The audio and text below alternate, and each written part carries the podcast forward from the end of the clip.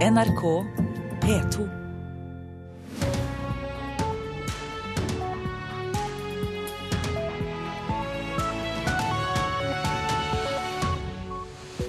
Ja, takk for at du åpner denne dagen med Nyhetsmorgen tirsdag 17. februar. Nå 6.30 er dette overskrifter. I går kveld var over 30 000 dansker samlet i København for å minnes de døde i terroren. Kunstneren Lars Wilks frykter at debatten om ytringsfriheten stilner når hverdagen tar over etter terrorangrepene. Norske politifolk mener at de får for få muligheter til fysisk trening. Dagens trusselbilde endrer seg drastisk. og Sånn som situasjonen er nå, så er vi ikke fornøyd med de mulighetene vi har til å trene. Leder av Politiidrettsforbundet, Ellen Mari Burheim. Tyngre våpen er ikke trukket tilbake fra frontlinjene i Ukraina, slik det var forutsatt i våpenhvileavtalen. Her i studio i dag, Øystein Heggen. Etter flere dager preget av dysterhet og sorg møttes over 30 000 dansker i går kveld for å minnes de døde etter terrorangrepene i København. Dørvakten Dan Husan er blitt et symbol på heltemot etter at han mistet livet for å hindre at gjerningsmannen tok seg inn i en synagoge. Trine Askholm Aalrik kjente Husan og håper nå at terroren kan vendes til noe positivt.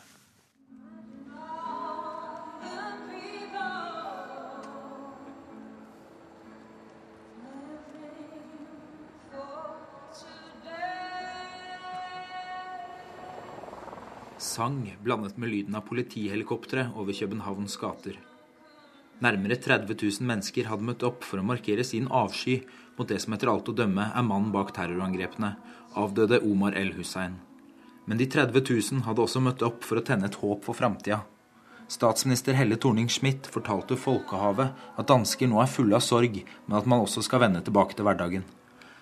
Som et symbol på håp trakk hun fram et av ofrene, jødiske Dan Husan. Han sikrede trygheden og passet på familier, børn og unge til en konfirmationsfest i Københavns synagoge. 37 år gamle Dan ble brutalt skutt ned og drept da han hindret gjerningsmannen fra å ta seg inn til en bar mitzvah i synagogen i København. Der inne var det om lag 80 mennesker, og i Danmark hylles Dan som en helt for å ha forhindret at flere liv gikk tapt. Det kan ikke forklares, og det kan heller ikke forstås. Det sier Trine Askom Olrik.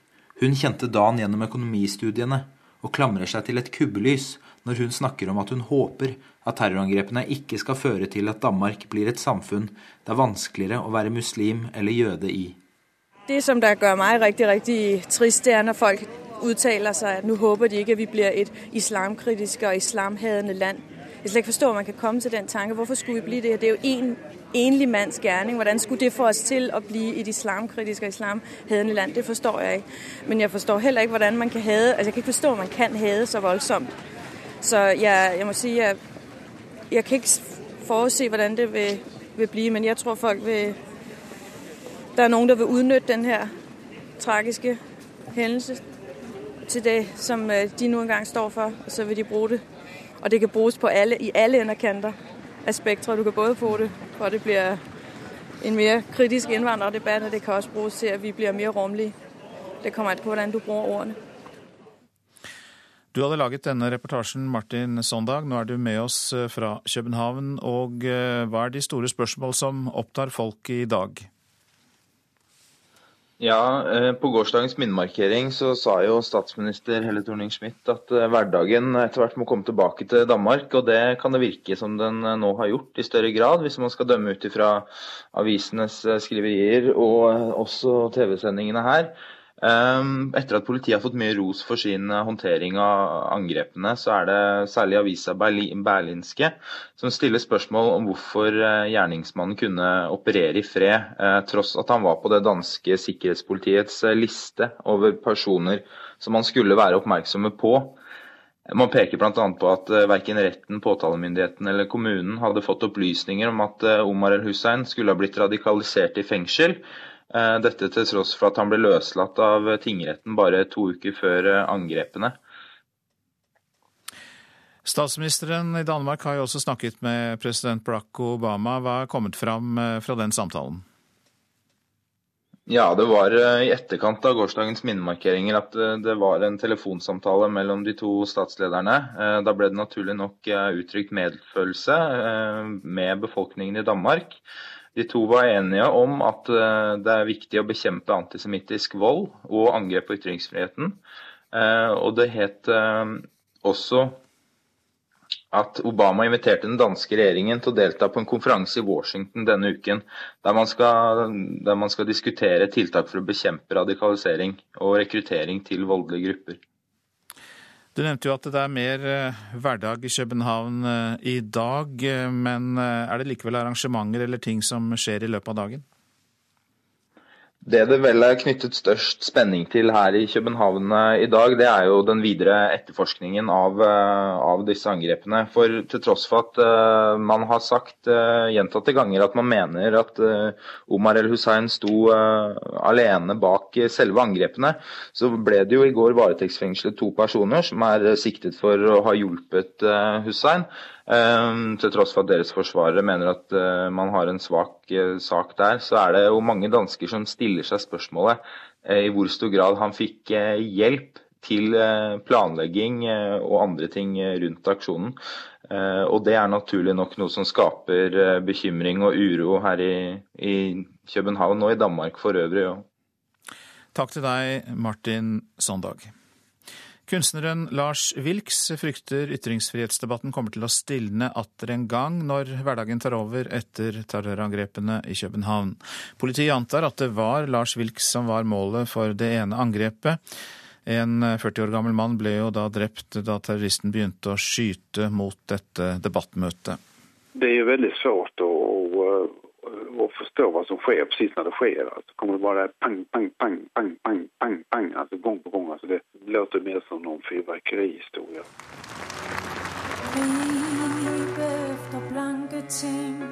Mens artisten Pernille Rosendal sang foran tusenvis som var samla i København i går kveld for å minnes terrorofrene, satt det antatte målet for det ene angrepet, Lars Wilks, på hemmelig sted i Sverige med bevoktning. Derfra følger han etterspillet etter terroren via sosiale medier, der han har fått både støtte og kritikk. Jeg mener De fleste har vært positive, men det også sånne som er veldig aggressive. Så en, en sak er det her med at eh, de som syns at jeg ikke skal eh, ha livvakter, for det koster for mye penger. Det er altså ikke alle som synes Lars Wilks fortjener å ha livvakter. Mannen som er blitt terrormål fordi han tegna profeten Mohammed med hundekropp for åtte år siden. Et kunstnerisk prosjekt prosjekt som ikke var ment å provosere andre enn det han kaller feige kunstinstitusjoner. Nå frykter Wilks at dem som viser mot umiddelbart etter terrorangrepet, blir feige igjen når hverdagen er tilbake. Sen er det jo spørsmålet der, återigen, når vi kommer tilbake til hverdagen, precis som etter Charlie Hebdo. Altså at, uh, først var det jo veldig mye Je Charlie. og og sen börjar man säga, men eh, egentligen så var de ju eh, främlingsfientliga. Alltså det kom väldigt mycket invändningar sen. Lars Wilks synes det er fryktelig at terroristen klarte å ta liv i angrepet, men han prøver å ikke la terroristens handlinger få berøre han personlig, fordi han mener det kun er ett menneske som har ansvaret for det som har skjedd. Ja, jeg kan ikke si at det berører meg personlig, for at det her er en mörder som agerer, og en sånn person skal jo ikke, skal jo ikke gå løs, utan de skal jo sitte i fengsel. Det har jo liksom ingenting med meg å gjøre. Utan det er jo hans ansvar, altså. Kunstneren sier han ikke frykter for sitt eget liv, men er bekymra for at han nå ikke får gjennomført de foredragene han har planlagt å holde. Kun pga. det han kaller en tegning av en hund som har begynt å leve sitt eget liv. Det som kom å skje, var jo at denne hunden løp ut i verden. og Da fikk den liksom en helt annen mening, og jeg merket jo det at det var helt umulig å styre den. Etter eh, åtte års tid altså, så, så, har man fortsatt ikke fått ordning på den, utan den fortsetter sitt liv. Kunstneren Lars Wilks til reporter Torkil Torsvik. Synagogen i Trondheim har skjerpet sikkerheten. Den jødiske menigheten har brukt pengene de fikk som erstatning for overgrep begått under annen verdenskrig, til å sikre synagogen etter terrorangrepene i Frankrike og Danmark. Sikkerheten ble skjerpet etter angrepene i Paris i januar. Etter terrorangrepet i København har synagogen styrket sikkerheten enda et hakk. Det skriver Klassekampen. Ingenting tyder på at eh, tunge våpen er blitt trukket tilbake fra frontlinjen i Ukraina innen fristen som ble satt i den nye våpenhvileavtalen. Både regjeringen i Kiev og representanter for opprørerne har tidligere sagt at kampene må stanse før det blir aktuelt å fjerne de tunge våpnene. Partene skylder på hverandre når de skal forklare hvorfor kampene fortsatt pågår. Og mer om dette etter klokka sju. Søket etter savnede Per Vollnes i bakken under Vollan gjestestue i Balsfjord i Troms blir avsluttet neste uke. Det opplyser politiet. Vollnes forsvant i 2011, og politiet mener han ble drept. Blir det ikke gjort funn innendørs, vil politiet gå i gang med å grave opp grøftene utendørs som fører inn til gjestestua. 11. november i fjor starta politiet søk etter Per Vollnes på Vollan gjestestue i Balsfjord.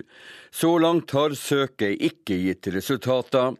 Men nå dobler politiet kapasiteten, forteller lensmannen i Balsfjord, Geir Lofthus. Vi bruker nå to biler fra vakuumkjemperen for å kunne ta ut masser eh, raskere. Det er også eh, rommet av en slik beskaffenhet at det er mulighet til å jobbe med to sånne sugemaskiner, sånn at nå jobber vi fra hver sin side.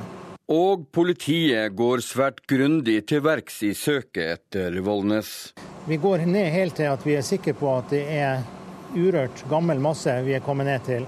Og det kan variere hvor dypt vi må gå. Blir det gjort funn, kommer først de pårørende til å bli varsla. Deretter blir kriminalteknikere tilkalt for å sikre funnstedet, forteller regionlensmann Andreas Nilsen. Lensmann i Balsfjord, Geir Lofthus, som leder arbeidet, tror og håper søket skal gi resultater. Så vi eh, har som målsetting at vi skal søke gjennom her, og eh, håper jo selvfølgelig at vi eh, gjør funn. Det går i hvert fall denne uka, og jeg vil tro at det går en del i neste uke også. Reporter det var Øystein Antonsen. Arbeidstilsynet vil undersøke arbeidsmiljøet ved nevrokirurgisk avdeling ved Haukeland universitetssykehus etter en rekke bekymringsmeldinger fra ansatte. Det skriver Bergens Tidende. Meldingene handler om at assistentleger jobber mer enn 26 eh, timer lange vakter, operasjoner blir skjevfordelt mellom legene, og ansatte har meldt fra om mobbing. Norske politifolk er i så dårlig fysisk form at de bør trene mer og testes årlig. Det mener politiets idrettslag, som foreslår dette for to år siden uten at noe har skjedd. Leder av Norges politiidrettsforbund, Ellen Mari Burheim, mener at dagens terrorfare har gjort forslaget mer relevant enn noen gang. Nei, Vi ser jo at dagens trusselbilde endrer seg drastisk. og Sånn som situasjonen er nå, så er vi ikke fornøyd med de mulighetene vi har til å trene. Forbundet undersøkte den fysiske formen til politifolk 16 år etter at de forlot Politihøgskolen. Nesten alle hadde blitt i dårligere form.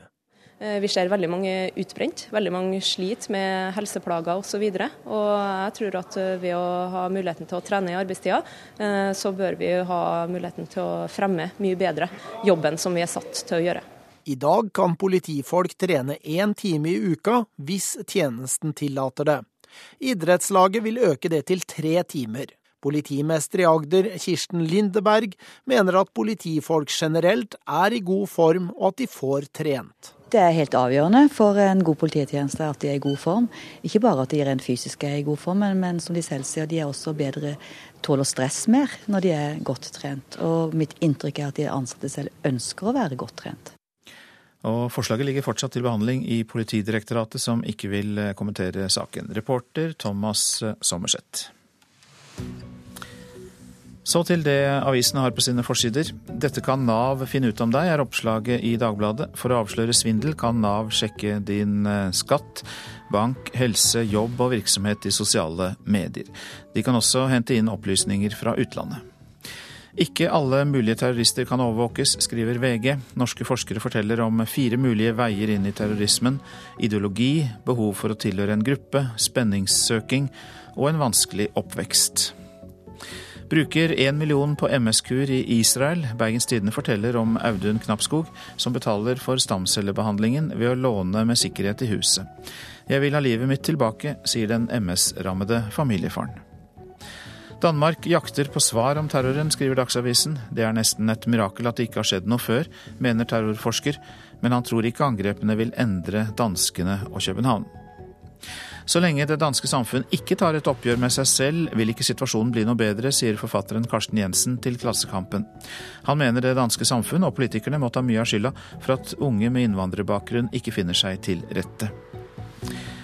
Vi vil leve et alminnelig liv i fred og sikkerhet, er sitat fra Danmarks statsminister Helle Thorning-Schmidt på Aftenpostens forside. Hun sa det til de mange tusen som var møtt opp i København i går kveld, som vi hørte om tidligere i sendingen. Erna Solberg fornærmer oljefolk, sier senterpartipolitiker Geir Pollestad fra Rogaland til Dagens Næringsliv. Han er leder av næringskomiteen på Stortinget og kritiserer statsministeren for å fremstille oljenæringen som en bransje i solnedgang og Erna Solberg avviser kritikken. NHO Mat og Landbruk går ut mot regjeringens produktivitetsutvalg, skriver Nasjonen. De mener forslagene fra utvalget, som professor Jørn Ratsø ledet, kan føre til at 50 000 arbeidsplasser går tapt innenfor matproduksjon og landbruk, bl.a. hvis importvernet bygges ned.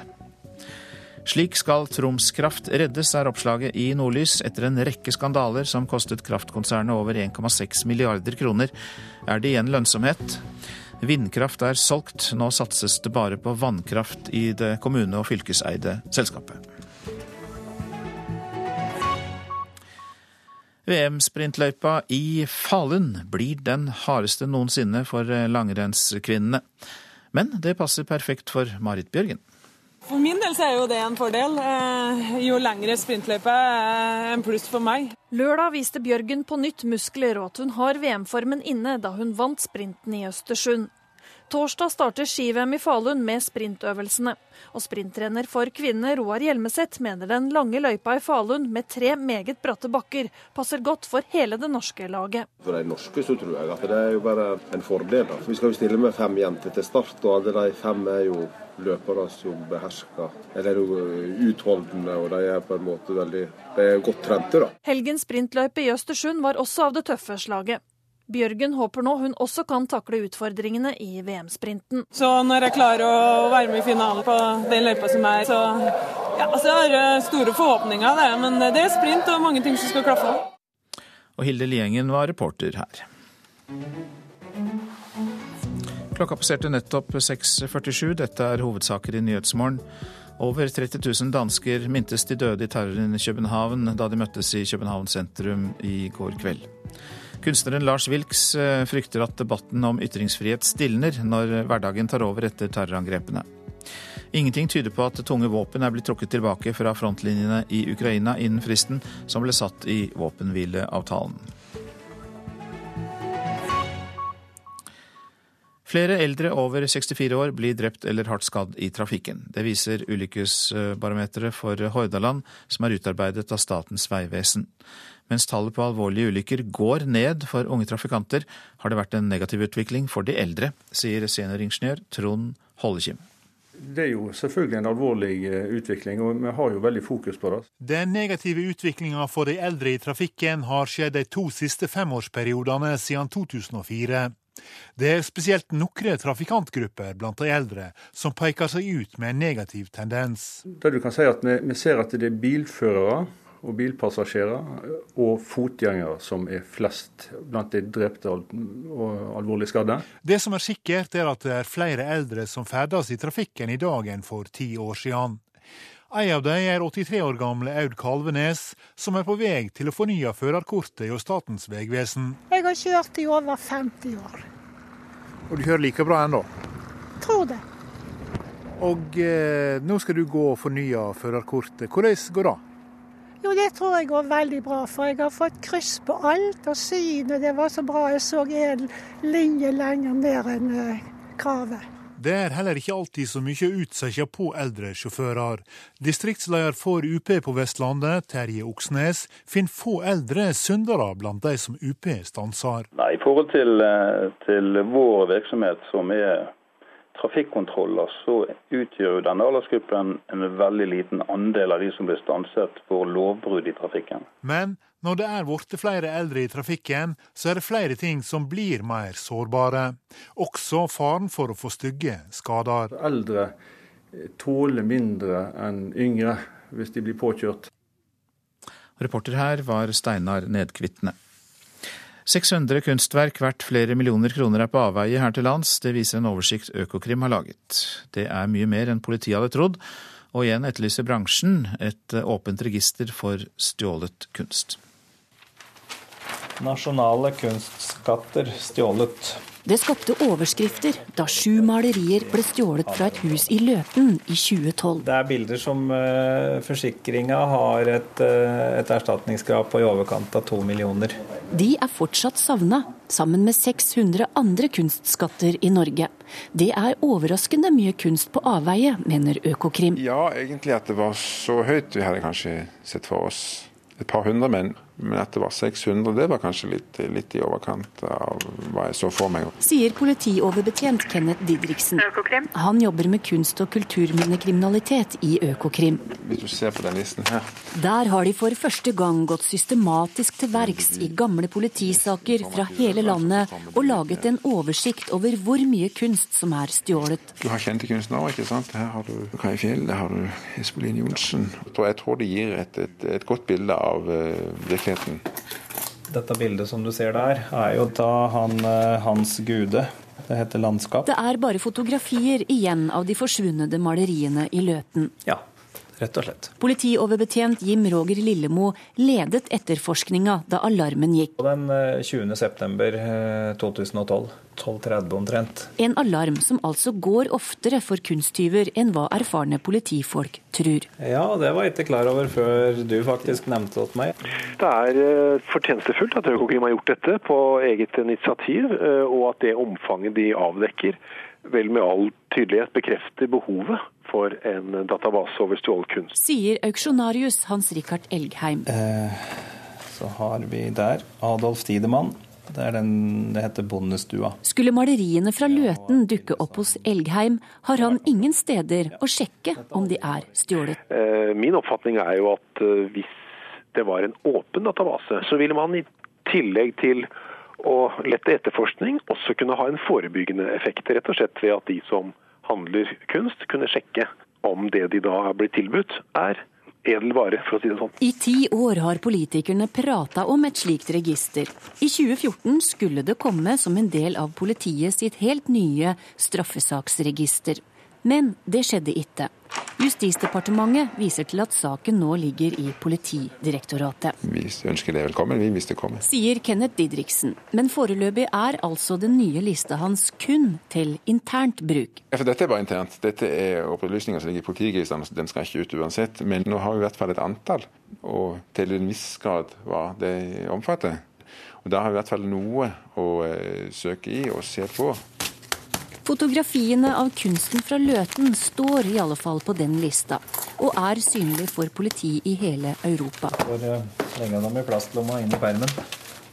Permen blir ikke borte sjøl om saken er henlagt? Permen blir ikke borte. Når bilder av uh, sånn verdi blir borte, så kan de gjerne ligge i både 15 og 20 år før de dukker opp igjen.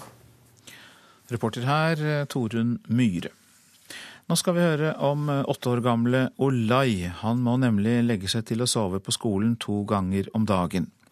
Olai har sykdommen narkolepsi, og diagnosen fikk han fire år etter at han ble vaksinert mot svineinfluensa. Det har gått for lang tid til at han kan få erstatning, mener Norsk pasientskadeerstatning, men fagfolk syns det er en streng vurdering. Sånn, skal enda mer sukker. Det der er du god på.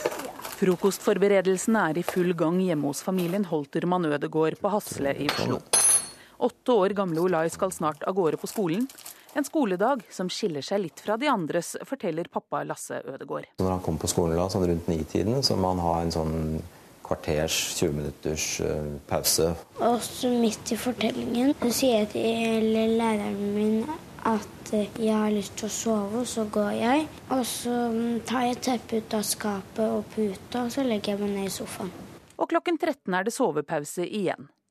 Noen timer senere hentes Olai på skolen og må hvile før fotballtrening. Så merker vi at han er sliten når det begynner å nærme seg tid for trening. Så det er jo mye motivasjon som skal til for, å, for at man skal få til det. De i klassen din de vet jo at du går og sover to ganger. Hva sier de? De sier at jeg er heldig, men jeg vil heller ikke ha sovet. Men de vet jo hvordan det er, da.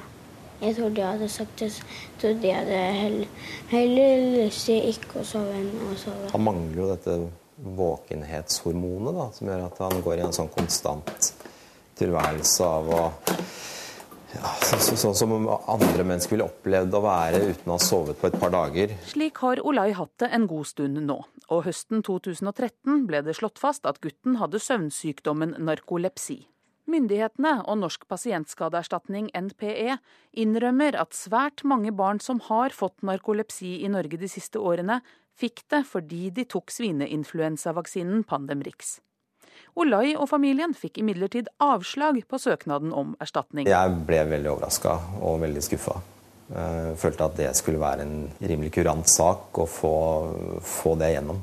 I overkant av 30 barn og unge under 19 år med narkolepsi har fått avslag på erstatning. Det sier avdelingsleder i NPE, Anne Mette Gulaker. Det er jo slik at man kan få narkolepsi selv om man ikke har fått vaksinen.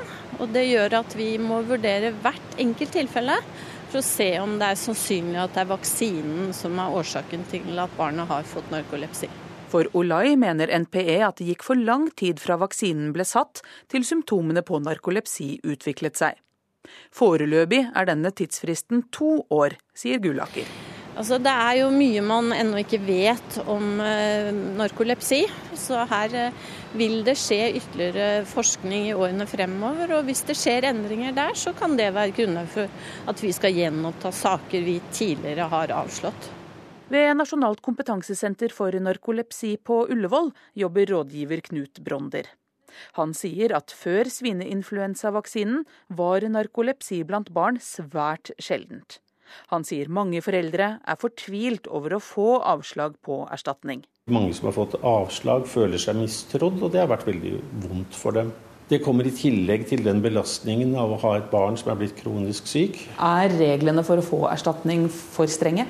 Slik jeg forstår regelverket om, i henhold til pasientskadeloven, så, så er reglene greie. Men hvordan det tolkes og hvordan det praktiseres, virker på meg som om det er en litt annen bit. Så du mener at flere burde fått erstatning? Vel, det, det, det, er litt vanskelig for meg å forstå hvorfor enkelte av dem har fått avslag. er vel en måte å svare det der på der. Og denne reportasjen var laget av Trine Bråten. Værvarselet. Fjell i Sør-Norge. Øking til vestlig sterk kuling utsatte steder. Kan hende blir det liten storm i høyfjellet. Snø og snøfokk. Mest nedbør kommer det i vestlige fjellområder. Østafjells. På kysten blir det etter hvert liten kuling, fra i ettermiddag stiv kuling. Først på dagen blir det litt snø østafjells, regn nær kysten. Utover ettermiddagen lettere vær, men det kan komme litt regn i indre Agder. Rogaland sørvestlig liten kuling, i ettermiddag øking til vestlig stiv kuling. Det blir regnbyger, snøbyger over 200 meter. Seinere på dagen stiger snøgrensa til 600 meter. Hordaland øking til sørvest stiv og periodevis sterk kuling. I kveld dreiende vestlig og litt minkende. Regnbyger, snøbyger over 200 meter, seinere over 400 meter. Sogn og Fjordane sørvest sterk kuling. Full storm blir det ved Stad først på dagen. I kveld minkende vind, da til bris. Det blir regnbyger i Sogn og Fjordane, snøbyger over 200 meter og utrygt for torden fram til i ettermiddag.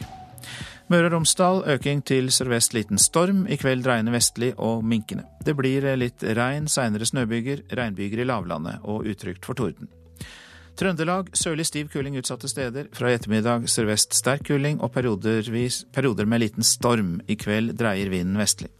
Det blir sludd- og snøbyger i Trøndelag, etter hvert utrygt for torden.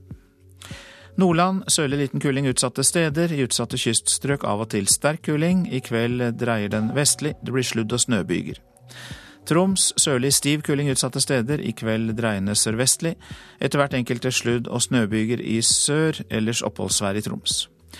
Finnmark sørlig stiv kuling utsatte steder, på kysten i øst sørvestlig og av og til sterk kuling. Det blir oppholdsvær, fra ettermiddag kan det komme litt snø. Og Nordensjøland på Spitsbergen enkelte snøbyger. Temperaturer klokka fire. Svalbard null, Kirkenes minus sju, Vardø minus seks, Alta minus sju, Tromsø pluss to, Bodø null, Brønnøysund pluss én, Trondheim pluss to, Molde pluss seks. Bergen, Stavanger og Kristiansand pluss to, Gardermoen og Lillehammer minus én, Røros minus tre og Oslo-Blindern null. Nyhetsmorgen fortsetter med disse sakene. Det går mot den høyeste ledigheten på ti år her i landet, viser beregninger fra Nav. Kan bankene hjelpe oss til å unngå svindel gjennom nettdating, som vi hørte om i Dagsnytt nettopp? Vi skal spørre finansnæringens hovedorganisasjon og søke råd der. Tunge våpen er ikke trukket tilbake fra frontlinjene øst i Ukraina, slik det var forutsatt i våpenhvilen. Og vi skal også ta deg med på safari til rikinghyttene i Hafjell. Det går altså mot den høyeste arbeidsledigheten på ti år, viser nye analyser fra Nav. I 2016 tror Nav at ledigheten vil stige til 3,2% Det bekymrer ingeniørstudentene ved Høgskolen i Telemark. Det er jo veldig kjipt, for når jeg starta på min, min utdanning, da, så, så, var det jo i den beste tida, der alle de nesten kasta seg etter deg for å få jobb. Ja, velger å tro iallfall. Du må gå inn med god innstilling. De trodde på gull og grønne skoger, ingeniørstudentene Mats Knutsen og Martin Bergene Johansen. Nå er fremtiden litt mindre rosenrød enn da de startet studiene. Særlig i oljerelatert industri kuttes det både her og der. Nå viser Navs nye prognoser at ledigheten går mot den høyeste på ti år, sier kunnskapsdirektør i Nav Yngvar Aasholt. Ja, Vi er litt mer pessimistiske nå enn vi var for et halvt år siden. og Det skyldes særlig endringene i oljepris og virkningen de har på, på arbeidsmarkedet. Og vi venter en økende ledighet. Det vil medføre at uh, vi vil nå vente den høyeste ledigheten på ti år i Norge. Det er bl.a. ventet at Statoils ferske konserndirektør Eldar Sætre vil gjennomføre store nedbemanninger. Vi har en veldig krevende situasjon i markedet. Vi er, vi er nødt til å tilpasse oss den. Og, og i første rekke er det knyttet til det forbedringsarbeidet som, som, eh, som pågår. Ifølge Nav-direktør Aasholt vil mange i oljerelatert industri finne seg nye arbeidsplasser. Og Vi tror at den nedgangen vi vil ha i oljerelaterte næringer, ikke vil være verre enn at vi greier å få den arbeidskrafta over i andre næringer. Så Vi vil ikke få noen krasjlanding i norsk økonomi, vi får en rolig nedbremsing, sånn som vi ser det nå. Eh, det vil være en etterspørsel i norsk økonomi også etter den type kompetanse, eh, selv om oljeinvesteringene går ned. Veiingeniører kan jeg regne med at det kanskje blir behov for fremover. Vi får se hva samferdselsministeren finner på til neste år. Ingeniørstudenten i Telemark er foreløpig ikke så veldig bekymret, selv om oljealderens jubelalder er på hell og de gullkantede lønningene litt lenger unna enn bare for få år siden. For meg så er det sånn at jeg har forstått at tidene går litt opp og ned. Hvordan ser du på egne muligheter for arbeid etter endt studie? Nei, jeg, jeg, det er bare å prøve. Reporter eh, Line Tomter. Og direktør Knut Sunde i Norsk Industri, du er med på telefon. God morgen til deg. God morgen, god morgen. Ja, Vi hørte Nav si at flesteparten vil ha gode forutsetninger for å finne seg annet arbeid. Enig? Ja, det er, Hvis det er den fulle analysen til Nav, så er det vel litt skrint. fordi det er, eh, det er, mange, det er ingen tvil om at det er mange eh, ingeniører som har gode forutsetninger for å finne seg en alternativ jobb. Og det gjør veldig mange av dem, iallfall fram til nå. Men eh, de som blir ledige innenfor rollebransjen, de er både operatører og ingeniører. Og det er folk som er både i Stavanger og i Ulsteinvik og i Fosen. sånn at arbeidsmarkedene er veldig forskjellige på de forskjellige stedene. Og det er ikke sånn at det er skrint av jobber til alle til enhver tid. Så så enkelt vil det ikke gå. Hvor er det skoen trykker mest? Da, da tenker jeg spesielt på oljenæringen, som jo er hardest rammet. Jeg tror alltid når ledigheten stiger, så er det alltid fordel å være først ut på arbeidsmarkedet. Sånn at Fram til nå så har iallfall de aller fleste ingeniørene blitt eh, ansatt i annen industri og for så vidt i offentlig Eh, som Jernbaneverket og, og kommuner og andre steder. Men ettersom dette fortsetter inn i år og i neste år, så vil vi nok merke at også ingeniørene må få litt større problemer med å få seg jobb. Og det vil også være en god del eh, vanlige arbeidere rundt omkring som, eh, som ikke, ikke, i samme grad vil få seg jobb. Sånn at ledigheten vil stige, det er vi for så vidt enig i. Men det blir litt for enkelt å si at de bare får seg en annen jobb sånn uten videre. Mm. Nå følger jo svak kronekurs med på dette lasset her, med lav oljepris. Men det er også bra for eksportindustrien. Er det en del som kan finne seg nye jobber her? Så vidt på kort sikt er det det, men kronekursen er en veldig utro tjener. Den, den, er hyggelig svak nå, som eksportindustrien tjener gode penger på. Men hvor den er i neste uke og neste måned og neste halvår, det er det ingen som greier å spå. Annet enn at antagelig så er den ikke så hyggelig sett fra industriens ståsted om, om en stund. Sånn at uh, Industrien ja, de, de, tjener gode penger på en svak kronekurs nå, men det er ikke noe varig fenomen. Man må jobbe med kostnader og omstilling uansett. Hva forteller medlemsbedriftene i norsk industri til dere, da? Ansetter, ansetter ikke, eller sitter på gjerdet? Det blir en, en, viss nedbemanning i år. Særlig alle innleide medarbeidere. De kastes ut i stort monn. Sånn at Litt mer krevende tider må vi finne oss i i år. Og så er jo det fantastiske timingen at vi får et sånt Johan Sverdrup-felt ute i Nordsjøen som er en 100-120 milliarder kroner. Hadde ikke det kommet, og hvis vi får god uttelling på det, så, så hjelper det. Eh, men hvis ikke det feltet hadde kommet nå, da hadde vi merket en bratt nedtur i, i norsk økonomi. Takk for at du var med oss i Nyhetsmorgen, direktør Knut Sunde i Norsk Industri. Norske kvinner og menn bruker hundretusener av kroner på såkalte kjærester som de bare har møtt på nett. Det hørte vi jo om i Dagsnytt. I fjor registrerte Økokrim rekordmange ofre for nettdatingsvindel. Og her forteller rådgiver Ane Dybo i Økokrim om sakene hun har fått inn bare den siste uka. Det er en som har blitt lurt for åtte millioner. Der er en som er lurt for to og en halv million. Der er ei som er lurt for fire millioner.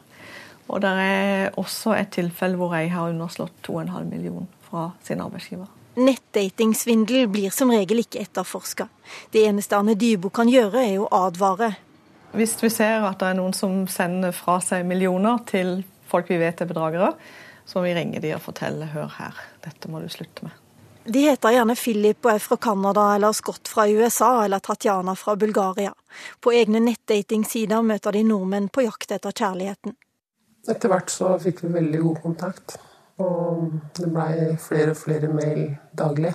De mailer og chatter i noen uker, i måneder og kanskje et halvt år før de bestemmer seg for å møtes. Men så dukker problemene opp. Lindas kjæreste måtte kjøpes ut av militæret. Jeg lånte penger til Scott for at han skulle få betalt seg ut av tjenesten sin i Afghanistan. Og forelska som jeg var, betalte jeg jo.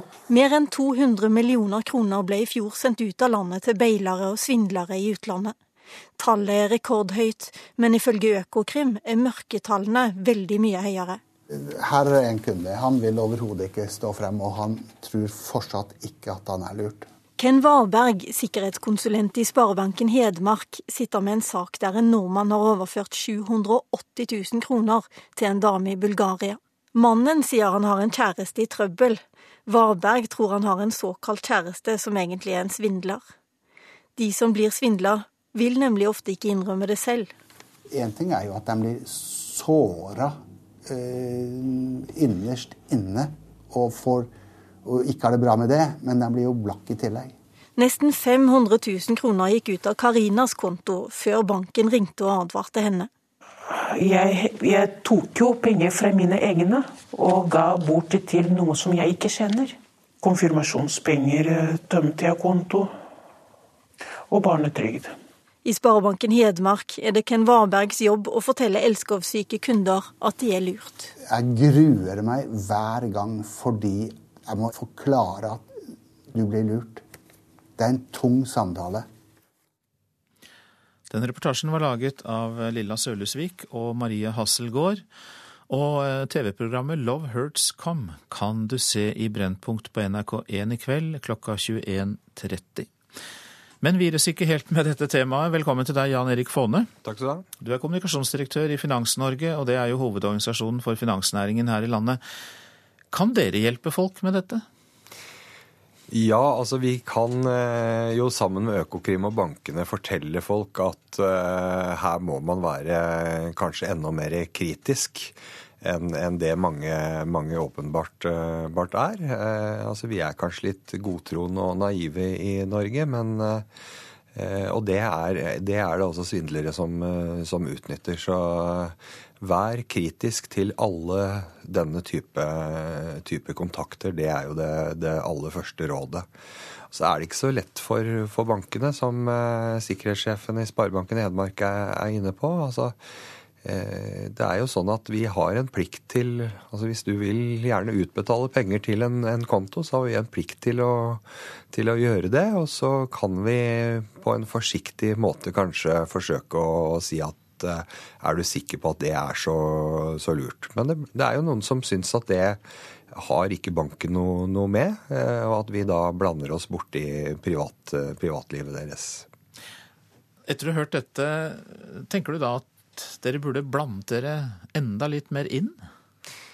Altså, det er ikke så lett for oss å vite hva, eh, om det er en konto som det er eh, svindel bak, eller faktisk det er en, eh, en, en potensiell kjæreste eller noen som, som er, i, er, i, nød. Så det beste vi kan gjøre, er jo å, å oppfordre alle sammen til å være kritiske. Og når vi får mistanke om at det er noen som er utsatt for svindel, gjør dem oppmerksom på at vi tror kanskje at det er, er tilfellet. Men er det mulig for den norske finansnæringen å gjøre mer på tvers av landegrensene? Altså få, få tak i registre, samarbeide med finansinstitusjoner andre steder? Du vet at disse svindlerne de, de bytter antageligvis kontonummer eh, raskere enn vi andre eh, bytter undertøy. Eh, så det å få en fullgod oversikt over, over, det er vanskelig. Det er et stort internasjonalt samarbeid for å hindre at man setter inn penger på, som kan være med på terrorfinansiering og hvitvasking, og det er vanskelig nok, det. Eh, men det er klart at eh, her går det sikkert an å, å ha enda større fokus. Men så er det jo sånn at når du overfører penger til utlandet, det har vel de fleste opplevd, så, så må du skrive inn eh, opplysninger til norske myndigheter. Kan det være mulig å stoppe svindelen eller redusere den gjennom på den måten? Det, det, blir rapportert da inn til eh, noe som heter valutaregisteret. og Det er jo skatteetaten som, eh, som passer, på, passer, på, de tingene. Og, og, da har jo pengene allerede eh, gått. Folk sitter gjerne i nettbanken sin og, og overfører, overfører, penger til en, en, konto i utlandet. Og hvis ikke den kontoen står på en eller annen er svartelistet pga. terrorfinansiering eller andre ting som politiet har kontroll på, så er det fryktelig, fryktelig vanskelig. Men det er kanskje noen som uh, kunne ønske seg en litt tøffere papparolle? At dere er litt hardere klypa enn dere har vært? Tror du det kan komme til å skje etter hvert, når vi hører at det skjer så mange, at det er så store beløp? Ja, vi skulle nok gjerne hatt verktøyene til å, å, å kanskje være litt mer, mer, pappa. Og så er det kanskje også en oppfordring til, til folk også. Eh, sånn som Økokrim hele tiden er ute etter å advare mot. At man eh, er litt mer kritisk til hva man og hvem man eh, gir penger til. Den oppfordringen kom fra deg, Jan Erik Faane. Takk skal du ha. Du er kommunikasjonsdirektør i Finans-Norge. Klokka den passerte 7.16. Vi har disse hovedsakene i Nyhetsmorgen. Det går mot den høyeste ledigheten på ti år, viser beregninger fra Nav. De militære skjerper sikkerheten også inne i Egypt etter angrepene mot IS i Libya. Det skal vi høre mer om senere. Og vi hørte nettopp at vi tror kanskje vi skal finne en kjæreste på nettet, men blir i stedet svindlet. Rekordmange ofre for nettdatingsvindel i det, i det siste, ifølge Økokrim. Våpenhvileavtalen i Ukraina har vart i to dager, og den ser likevel da ut til å gå i oppløsning allerede. I natt tok Russlands president Vladimir Putin kontakt med Tysklands eh, bondeskansler Angela Merkel og Ukrainas eh, president Petro Porosjenko for å drøfte den alvorlige situasjonen. Og Moskva-korrespondent Morten Jentoft, eh, hva kom ut av disse nattlige samtalene? Det vet vi jo ikke enda, men det skjer i alle fall ting på bakken i Ukraina nå i morgentimene. Organisasjonen for sikkerhet og samarbeid i Europa som har fått den noe utakknemlige oppgaven å prøve å overvåke og få i gang eh, denne våpenhvileprosessen. Eh, de skal etter planen i dag inn i eh, denne omstridte byen eh, Debaltseve. Eh, på søndag ble de jo nektet avgang av de prorussiske separatistene. Eh, nå sier nestlederen for OSSEs delegasjon til Ukraina, Alexander Haug, at de har fått en avtale om at de skal kunne reise inn i denne byen. her. Det skal også opprettes et, et, et felles eh, senter for å overvåke våpenhvilen, der også russiske offiserer er til stede.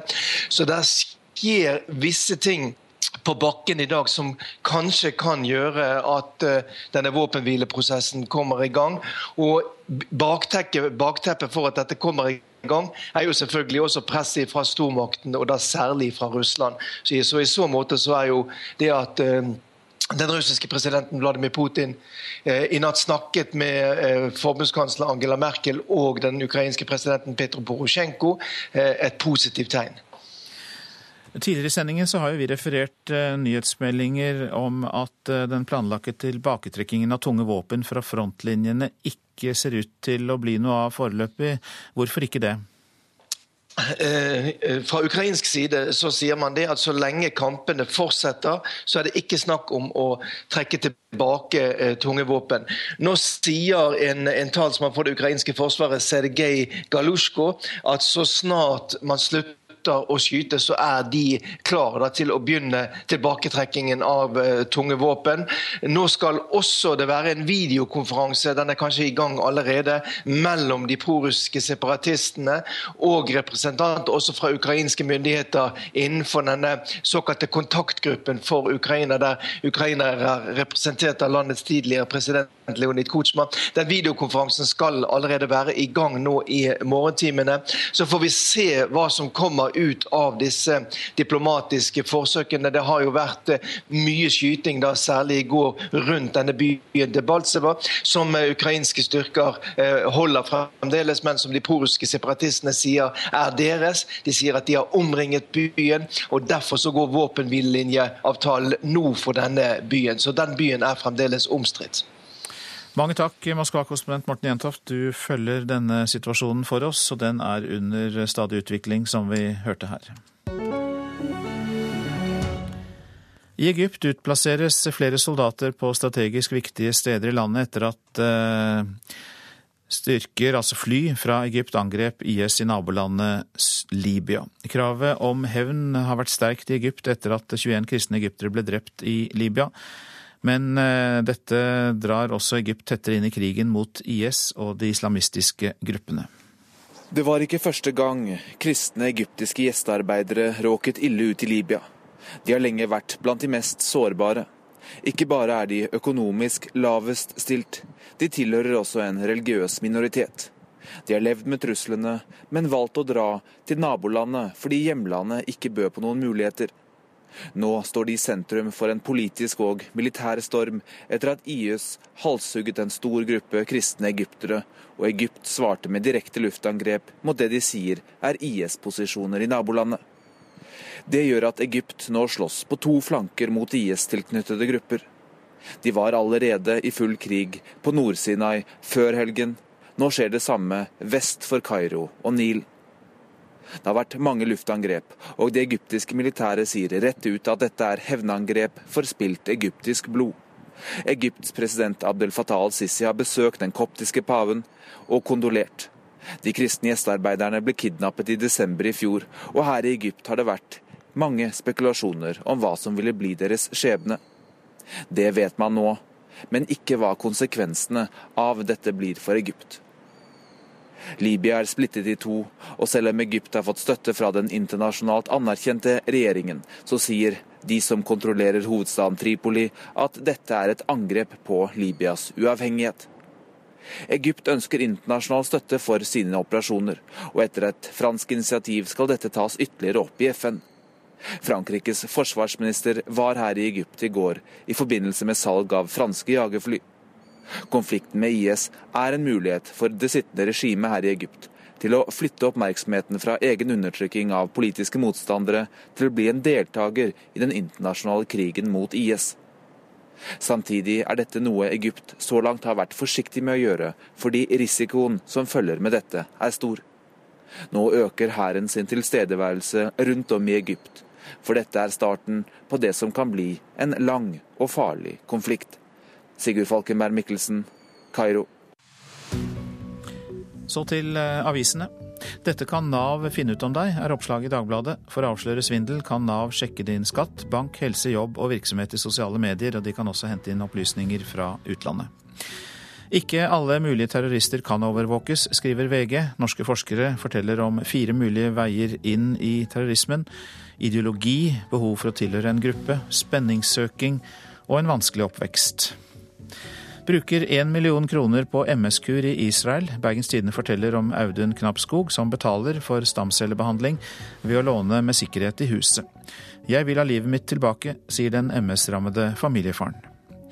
Danmark jakter på svar om terroren, skriver Dagsavisen. Det er nesten et mirakel at det ikke har skjedd noe før, mener terrorforsker, men han tror ikke angrepene vil endre danskene og København. Så lenge det danske samfunn ikke tar et oppgjør med seg selv, vil ikke situasjonen bli noe bedre, sier forfatteren Karsten Jensen til Klassekampen. Han mener det danske samfunn og politikerne må ta mye av skylda for at unge med innvandrerbakgrunn ikke finner seg til rette. Vi vil leve et alminnelig liv i fred og frihet, er sitatet fra Danmarks statsminister Helle Thorning-Smith på Aftenpostens forside. Hun sa det til de mange tusen mennesker som var møtt opp i København i går kveld for å vise hverandre støtte og omsorg etter terroren. Erna Solberg fornærmer oljefolk, sier senterpartipolitiker Geir Pollestad fra Rogaland til Dagens Næringsliv. Lederen av næringskomiteen på Stortinget kritiserer statsministeren for å fremstille oljenæringen som en bransje i solnedgang. Men Erna Solberg avviser kritikken. NHO Mat og Landbruk går ut mot regjeringens produktivitetsutvalg, skriver Nasjonen. De mener forslagene fra utvalget, ledet av professor Jørn Ratse, kan føre til at 50 000 arbeidsplasser går tapt innenfor matproduksjon og landbruk, bl.a. hvis importvernet bygges ned. Slik skal Troms Kraft reddes, er oppslaget i Nordlys. Etter en rekke skandaler som kostet kraftkonsernet over 1,6 milliarder kroner, er det igjen lønnsomhet. Vindkraften er solgt ut, nå satses det bare på vannkraft i dette kommune- og fylkeseide selskapet. Hadia Tajik seiler opp til å bli favoritt i kampen om nestledervervet i Arbeiderpartiet. Det skriver Dagsavisen. Avisa har talt opp hvem fylkeslagene i partiet vil ha. Tajik får støtte fra 62 delegater, mens den andre favorittkandidaten Jette Christensen får 45. Anniken Huitfeldt eh, fra 26. Dette altså fylkeslag. Eh, og eh, avisa, ifølge avisa så jobber valgkomiteen i partiet for å sikre en enstemmig innstilling til landsmøtet som er i april. Arbeiderpartiets nye kvinnelige nestleder skal styre partiet med, sammen med Jonas Gahr Støre og eh, da sannsynligvis Trond Giske. Hafjell blir nå kalt eh, Sankt Hafjell, med referanse til rikmannsstedene Sankt Anton og Sankt Moritz i Alpene. For i Hafjell eh, er det hytter med markedsverdi opp mot 50 millioner kroner. Så bli med på rikinghyttesafari i Hafjell. Jeg vet ikke om jeg får spørre deg, eh, er du klar over hva slags hytte du går forbi her? Jeg går i Kringelåsveien på Hafjelltoppen og prøver å få folk i tale. For dette er en vei utenom det vanlige i Hytte-Norge. Her er noen av de råeste hyttene som finnes. Blant annet den nybygde hytta til Kristin og Anders Wilhelmsen. Rederarvingen Wilhelmsen har 1000 kvadratmeter innendørs. Bladet Kapital har ved hjelp av eiendomsmeglere og lokalkjente verdsatt hytta til 50 millioner kroner. Kunne jeg spurt deg om hva du syns om eh, så dyre hytter? Nei takk, jeg, jeg har ikke noen sånn klar formeldinger om hva folk skal bruke pengene sine på. Jeg. Men nei, det er ikke enkelt. På halvtimen i Kringelåsveien er det flere som stopper opp, peker og tydeligvis prater om hytta. Men å snakke med NRK, nei, det vil ingen. Ikke før jeg treffer Asle Thommessen, som er på helgetur i lånt hytte, rett rundt svingen for denne 50-millioners-hytta. Jeg har hørt at det var en veldig flott hytte, og at det inni den nedgangen som vi ser her, eh, er mye veldig innholdsrik. Men den prisen der, den, eh, den var jo noe sjokkerende, ja. Bladet Kapital har plukket ut 17 hytter i Hafjell med en markedsverdi på 15 millioner kroner eller mer, og laget et kart, slik at man kan gå på rikmannshyttesafari i det som bladet nå har døpt Sant Hafjell.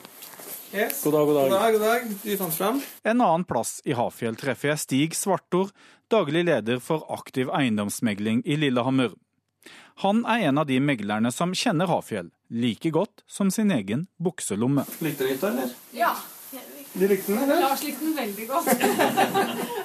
Stig viser fram ei hytte som koster bare fem millioner kroner. Hvordan har han og de andre ekspertene kommet fram til at de dyreste hyttene er verdt opp mot 50 millioner kroner? Det henger sammen med at eh, de er store. Og de har eh, veldig god, eh, god standard, gode kvaliteter i alt, gode løsninger. Prisrekorden i Hafjell er på 22 millioner, satt for fire år siden. Vil det da være mulig å få mer enn det dobbelte dersom disse dyre hyttene legges ut for salg?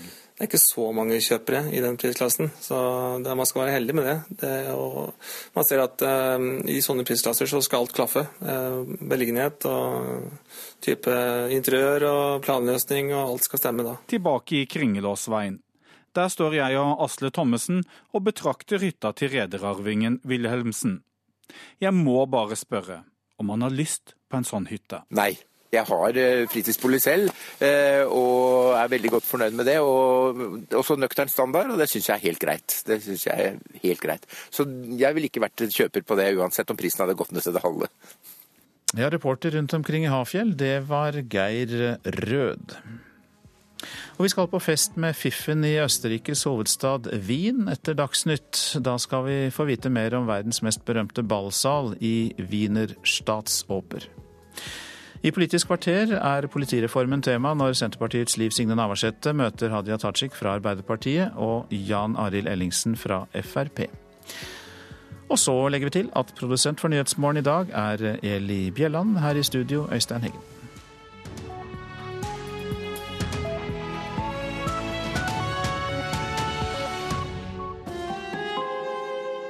Hør ekko. Hvorfor vil godt voksne menn risikere jobb, anseelse og status for å få oppleve et eventyr med en mye yngre kvinne? Har disse mennene ekstremt sterke drifter, eller er det tanken på døden som får de til å drite i alt og leve maks de årene de har igjen? Hør Ekko rett etter Dagsnytt. Ekko 9 11 i NRK P2.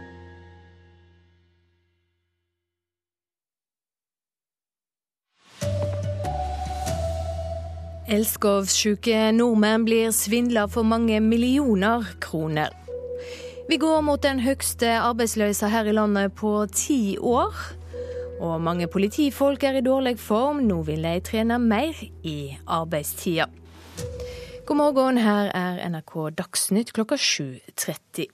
Hvert år blir nordmenn svindla for til sammen 210 millioner kroner gjennom sjekkesteder på nettet. Folk si jakt på kjærleiken skjer i stadig større grad på internett, og det er også blitt svindlerne sin arena. Jeg visste ikke om det går an å bli forelsket eh, på nettdating og gjennom bilde og flotte ord, men det går an. Karina var alenemor og ønska seg en kjæreste. På nettet fant hun mannen som fortalte henne akkurat hva hun ville høre. Du er en flott kvinne i mitt liv, jeg er glad i deg, jeg elsker deg. Men han var mye syk, og før han kunne komme til Norge, trengte han penger. Og så fikk jeg beskjed av samme lege da, at hvis han ikke våkner opp i, uh, i 24 timer, så kommer han til å dø.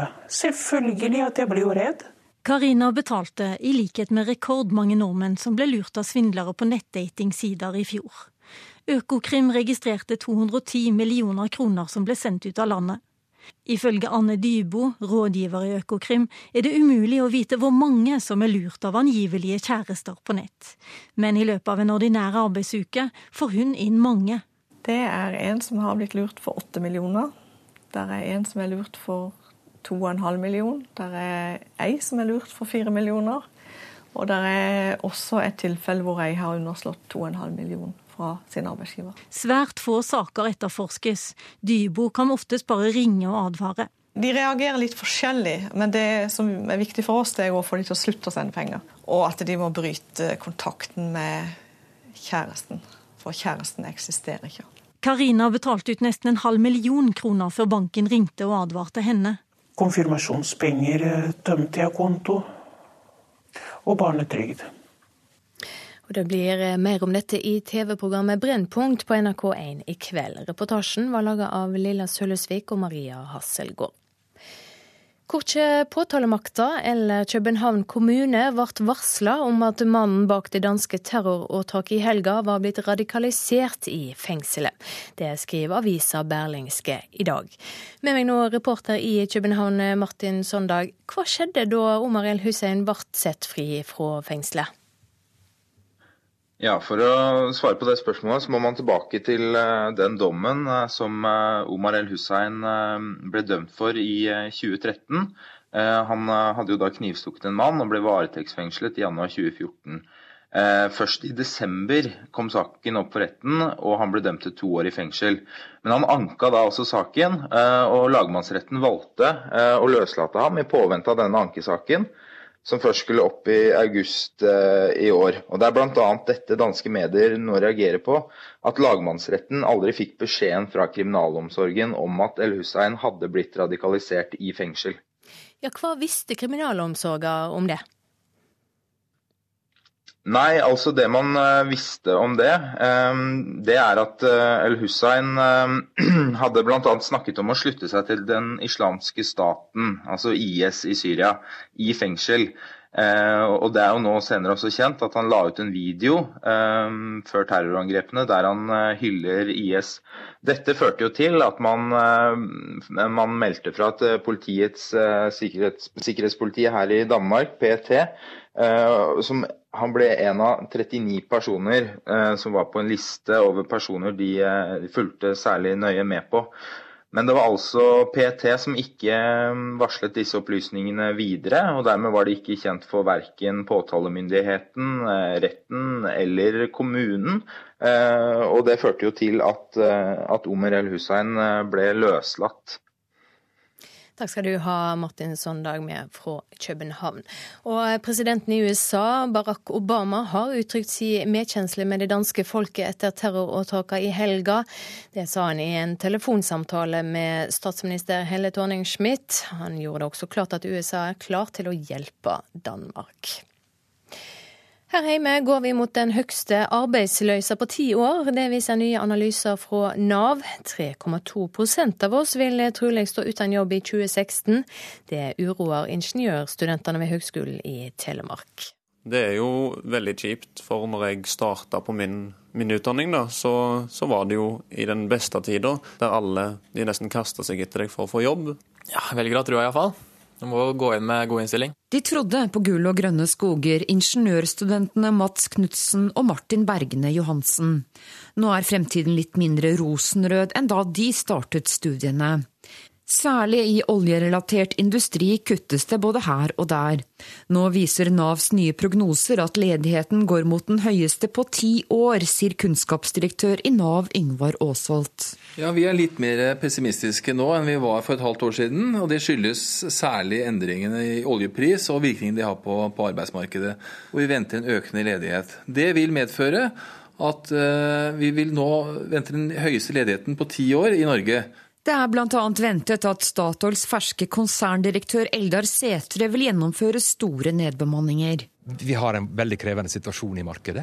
Vi er, vi er nødt til å tilpasse oss den. Og, og, i første rekke er det knyttet til det forbedringsarbeidet som, som, eh, som pågår. Ifølge Nav-direktør Aasholt vil mange i oljerelatert industri finne seg nye arbeidsplasser. Flesteparten av de som jobber innenfor oljerelatert industri vil ha gode forutsetninger for å finne seg annet arbeid eh, i Norge. For ingeniørstudentene i Telemark er det gode nyheter. For meg så er det sånn at jeg har forstått at tidene går litt opp og ned. Hvordan ser du på egne muligheter for arbeid etter endt studie? Nei, jeg, jeg, det er bare å prøve. Ansvarlig for denne reportasjen, Line Tomte. Det ser ikke bra ut for den to dager gamle våpenhvileavtalen i Ukraina. Ingen av partene har trukket tunge våpen bort fra frontlinja innen fristen som var i går kveld. I natt tok Vladimir Putin kontakt med Tysklands Angela Merkel og Ukrainas Petro Porosjenko for å drøfte den alvorlige situasjonen. Samtidig har Organisasjonen for trygghet og samarbeid i Europa planer om å opprette en felles overvåking av våpenhvila. Det forteller vår Moskva-korrespondent Morten Jentoft. Det skal opprettes et felles eh, senter for å overvåke våpenhvilen, der også russiske offiserer er til stede. Så det skjer visse ting på bakken i dag som kanskje kan gjøre at uh, denne våpenhvileprosessen kommer i gang.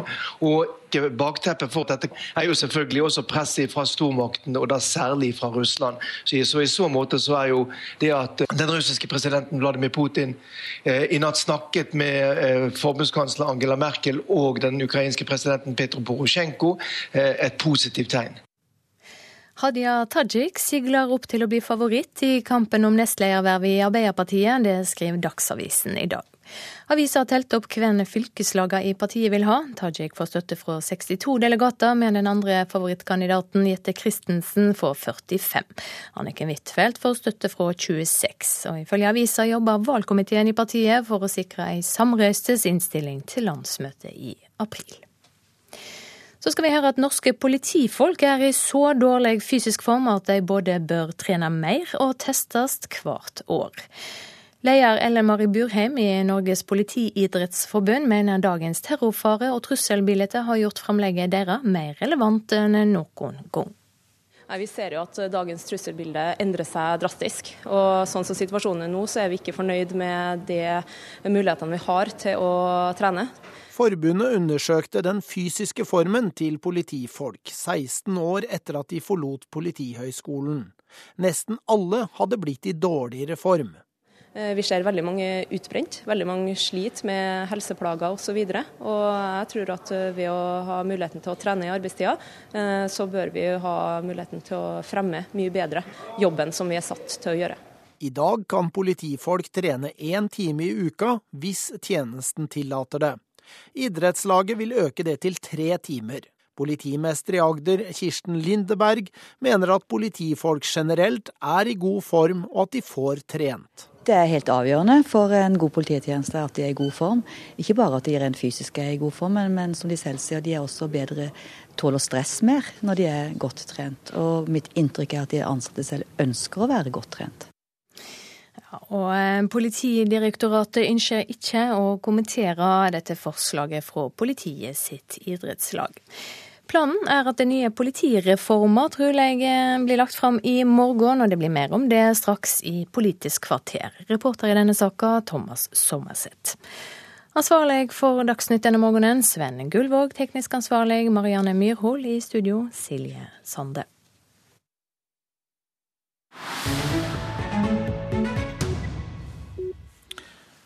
Nå blir det fest med Fiffen. Nyhetsmorgen skal på ball. Datoen har blinket i sosietetskalenderen i et år. Stedet er den mest berømte ballsal i verden, og tradisjonen vi skal overvære er 200 år gammel. Vi skal til Wiener Staatsoper i Østerrike.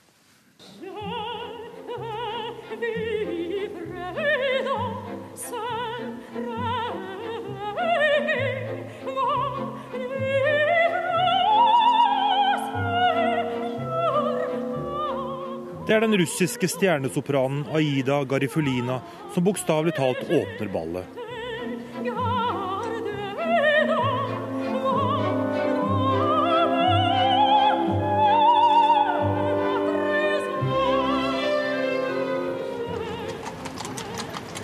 En av verdens mest påkostede og glamorøse fester er i gang.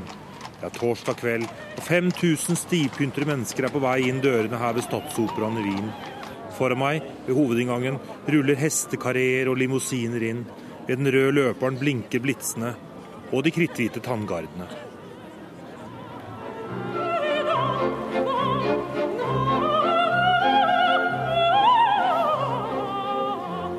Velkommen til det legendariske operaballet. Her er den økonomiske, politiske og kulturelle eliten i Østerrike samlet, alle som betyr noe. Eller som drømmer om eller strever etter det. Det er gull, glitter, påkostede ballkjoler, champagne, sjaketter og flosshatter. Irina Gorgovic og Nena Rankovic har øvd på dansestegene og skal på ball for første gang. One time in your life you have to go and to see the open bar. It's very beautiful, and I think it's um, this is the dream from all girls, women. time for the open bar.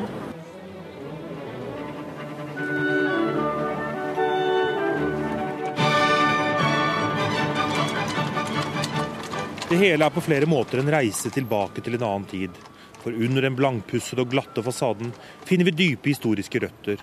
It's a symbol of imperial old good times, uh, a symbol of, of the power the Habsburg monarchy had in former times.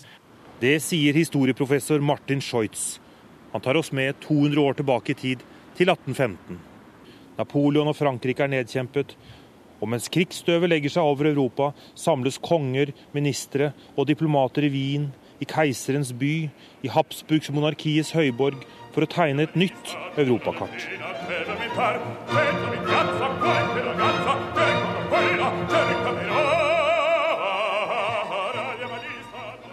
I hele åtte måneder pågikk diplomatiet i Wienerkongressen. Men delegasjonene trengte pustepauser. Aristokratiet likte ikke å kjede seg, de trengte fest og moro. Og dermed ble balltradisjonen født. And uh, it was, would cost uh, enormous money, but it was necessary in order to bring some oil into uh, this um, machinery of debating. Heller ikke i dag er operaballet for folk flest. De aller billigste billettene ligger på i overkant av 2000 kroner. Andre punger ut med opp mot en halv million kroner for en losje, slik at man virkelig syns på TV i den mange timer lange direktesendingen på ORF. Inne går de rike og velstående i polonese. De skal danse og feste til klokken fem-seks i natt. Et par kvartaler unna sitter tiggerne og gatemusikantene, de som aldri kommer seg på operaball.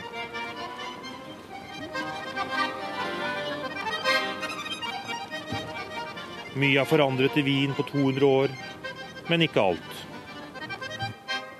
Og reporter i Wien, det var Roy Freddy Andersen. Dette er hovedsaker i Nyhetsmorgen. Elskovssyke nordmenn blir svindlet for millioner av kroner. Rekordmange er blitt ofre for nettdatingsvindel, ifølge Økokrim.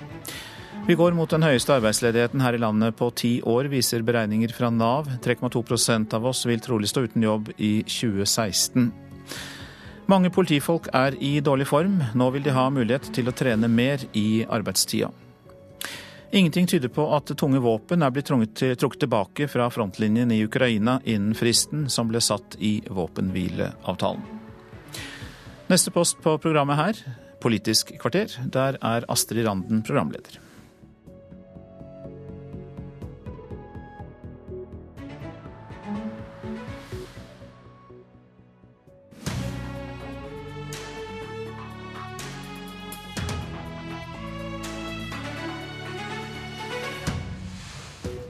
Kartet over Noreg sin nye politidistrikt er klart. Likevel måtte Venstre be om pause i forhandlingene om ny politireform i går kveld. God morgen og vel møtt til Politisk kvarter. I går kveld forhandla Venstre og regjeringspartiene om ny politireform. Sjøl om hovedtrekka er på plass, så klarte de ikke bli helt eh, enige. Og kommentator her i NRK, Lars Nehru Sand, hva skjedde i går kveld?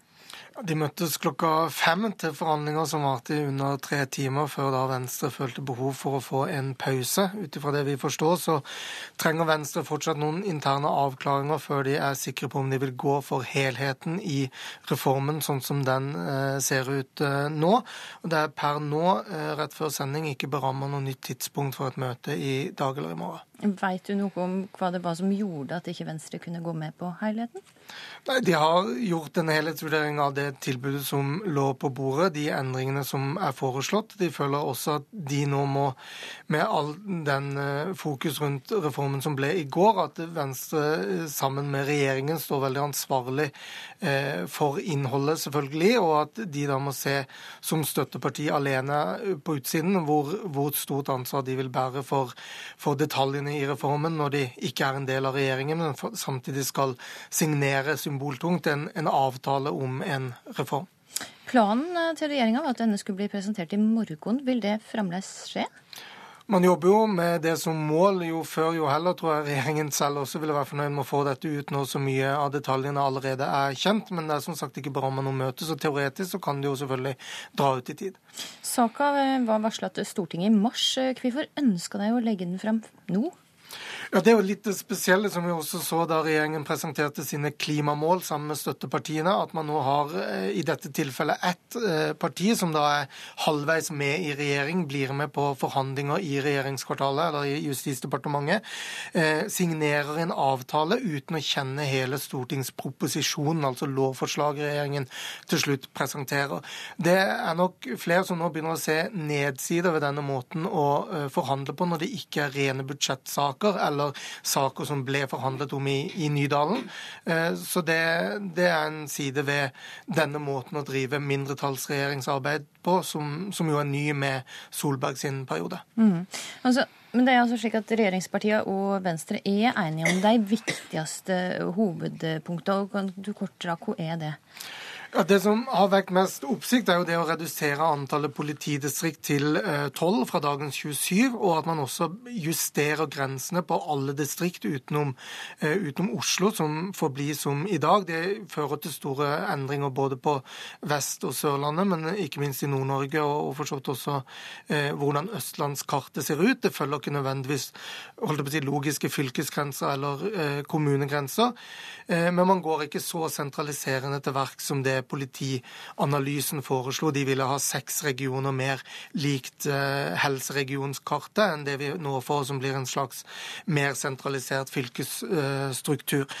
Men så er jo den viktige grunnen til at man gjør dette Regjeringen ønsker en nær politireform, altså det som blir navnet på stortings... Eh, eller det dokumentet vi får se, eh, hvor man sier at det som er viktig, er å sentralisere politiets ledelse og, og politimester funksjoner, men man ønsker å desentralisere politikraft og det, de tjenestemennene, de politibilene vi ser i det daglige.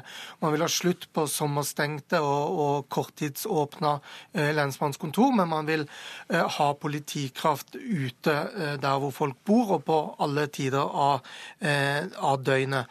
Eh, og så eh, ser man det som som viktig å ha mer effektive patruljer og heller tenke kvalitet enn kvantitet i politiets arbeid for å følge opp Gjørv-kommisjonen. Mm. Takk til det i denne omgang, Lars Nehru Sand. Det var altså hovedtrekka. Så er det ikke altså slik at her i Politisk kvarter så går det ikke alltid slik vi har tenkt. For i går kveld så avlyste først eh, Høyre sin representant i justiskomiteen, som hadde avtale å komme til denne sendinga. Og seint i går kveld så avlyste også Frp, som hadde sagt seg villig til å komme. Dermed så er det duka for en slags eh, heime aleine-fest i Politisk kvarter, eh, helt uten regjeringa. En av de som får være med på festen, eh, det er du, Kjell Ingolf Ropstad, justispolitisk talsperson i eh, KrF. Men du trakk deg fra forhandlingene med regjeringa allerede i oktober. Og når du ser de lekkasjene som er kommet ut, er du glad for at det brøt? Ja, det er jeg, men jeg må jo innrømme at jeg skulle heller vært med på den festen enn å det her for å få lov til å lage innholdet på hvordan neste eller framtidens politi skal se ut. Eh, og for KrF sin del så var vi veldig tydelige på at eh, vi trenger å følge opp Gjørv-kommisjonen. Vi må ta de signalene som har kommet over lang tid, på alvor. Og Derfor så var vi villige til å se på politidistriktsstrukturen, og der syns jeg de lander på en rimelig modell. Litt utfordringer med noen av distriktene på, på Vestlandet, og ikke minst òg Telemark, Vestfold, Buskerud og Asker og Bærum, som blir et veldig stort distrikt, men, men hovedsakelig så syns jeg de har landa på mye fornuftig. Det som er min store innvending, det er to ting. Det ene er at det oppleves som at en ikke tar nok på alvor de innvendingene som er kommet på kultur og ledelse, og at en ikke bare må ha en strukturreform. Det vil ikke løse utfordringer for politiet alene. Og det andre er at eh, den retoriske grepet som gjøres med nærpolitireformen, der en skal tappe distriktene for lensmannskontoret, er jeg bekymra for. Fordi at i stedet for å tenke at en skal ha lokal tilstedeværelse, så virker det som at en ønsker å gi politimesteren full fullmakt til å da trekke inn eller legge ned lensmannskontor. Nå er ikke jeg opptatt av lensmannen i seg sjøl. Jeg kan gjerne tappe han for oppgave, at han ikke er namsmann lenger, at han ikke har eh, tvangssalg og sivil rettspleie. Men, men, det som er viktig for meg, er at det fremdeles vil være noe tilstedeværelse. Når du tapper eh, distriktene for ressurser, så frykter jeg at en ikke vil ha det like gode arbeidet rundt forebygging, rundt oppsøke eh, de små kriminelle miljøene som kanskje er på mindre steder. Altså Det arbeidet der vil lide i en sånn mer beredskapspoliti som det ser ut til. Og hvis jeg forstår det rett, så var det årsaka til at det braut forhandlingene, og ikke nødvendigvis tallet på politidistrikt? Nei, vi hadde veldig gode samtaler, og stort sett så var det mye så. Det er mye som er bra i det som, som jeg tror kommer til å komme, men hovedutfordringa var det lokals tilstedeværelse. Der, der frykter jeg som sagt at det er til eh, å gjenge feil vei. Så mm. hvis det er sånn at det nå er pause i forhandlingene, så er jo virkelig sånn at jeg håper at jeg ikke gir fullmakt til politimestrene om å fastsette strukturen. Det må fremdeles være en politisk oppgave. Tar akkurat den litt senere. Eh, Hadia Tajik, leder i justiskomiteen for Arbeiderpartiet. Tolv politidistrikt. For mye eller for lite? Arbeiderpartiet har ikke tatt endelig stilling til antallet politidistrikt, men jeg kan jo si med en gang at jeg ser ikke for meg at det kommer til å bli noe færre enn disse. Og jeg tror at av de lekkasjene vi har sett, så er det mye det går an å slå seg til ro med, men så er det nok òg en del ting som må tas tak i. Og jeg håper jo at Høyre og Fremskrittspartiet og Venstre, selv om de har flertall, at de likevel vil søke et bredere flertall når dette blir lagt fram for Stortinget. For dette er jo en reform som skal stå seg i veldig mange tiår framover, og da er det viktig at det er bredt forankra. Vi er i hvert fall innstilt på å få til et, et bredt flertall. Det håper jeg at de òg er. Mm. Liv Signe Navarsete, stortingsrepresentant for Senterpartiet. Først, hva vil skje med ditt heimfylke, Sogn og Fjordane, hvis det blir tolv politidistrikt, slik lekkasjene nå tyder på?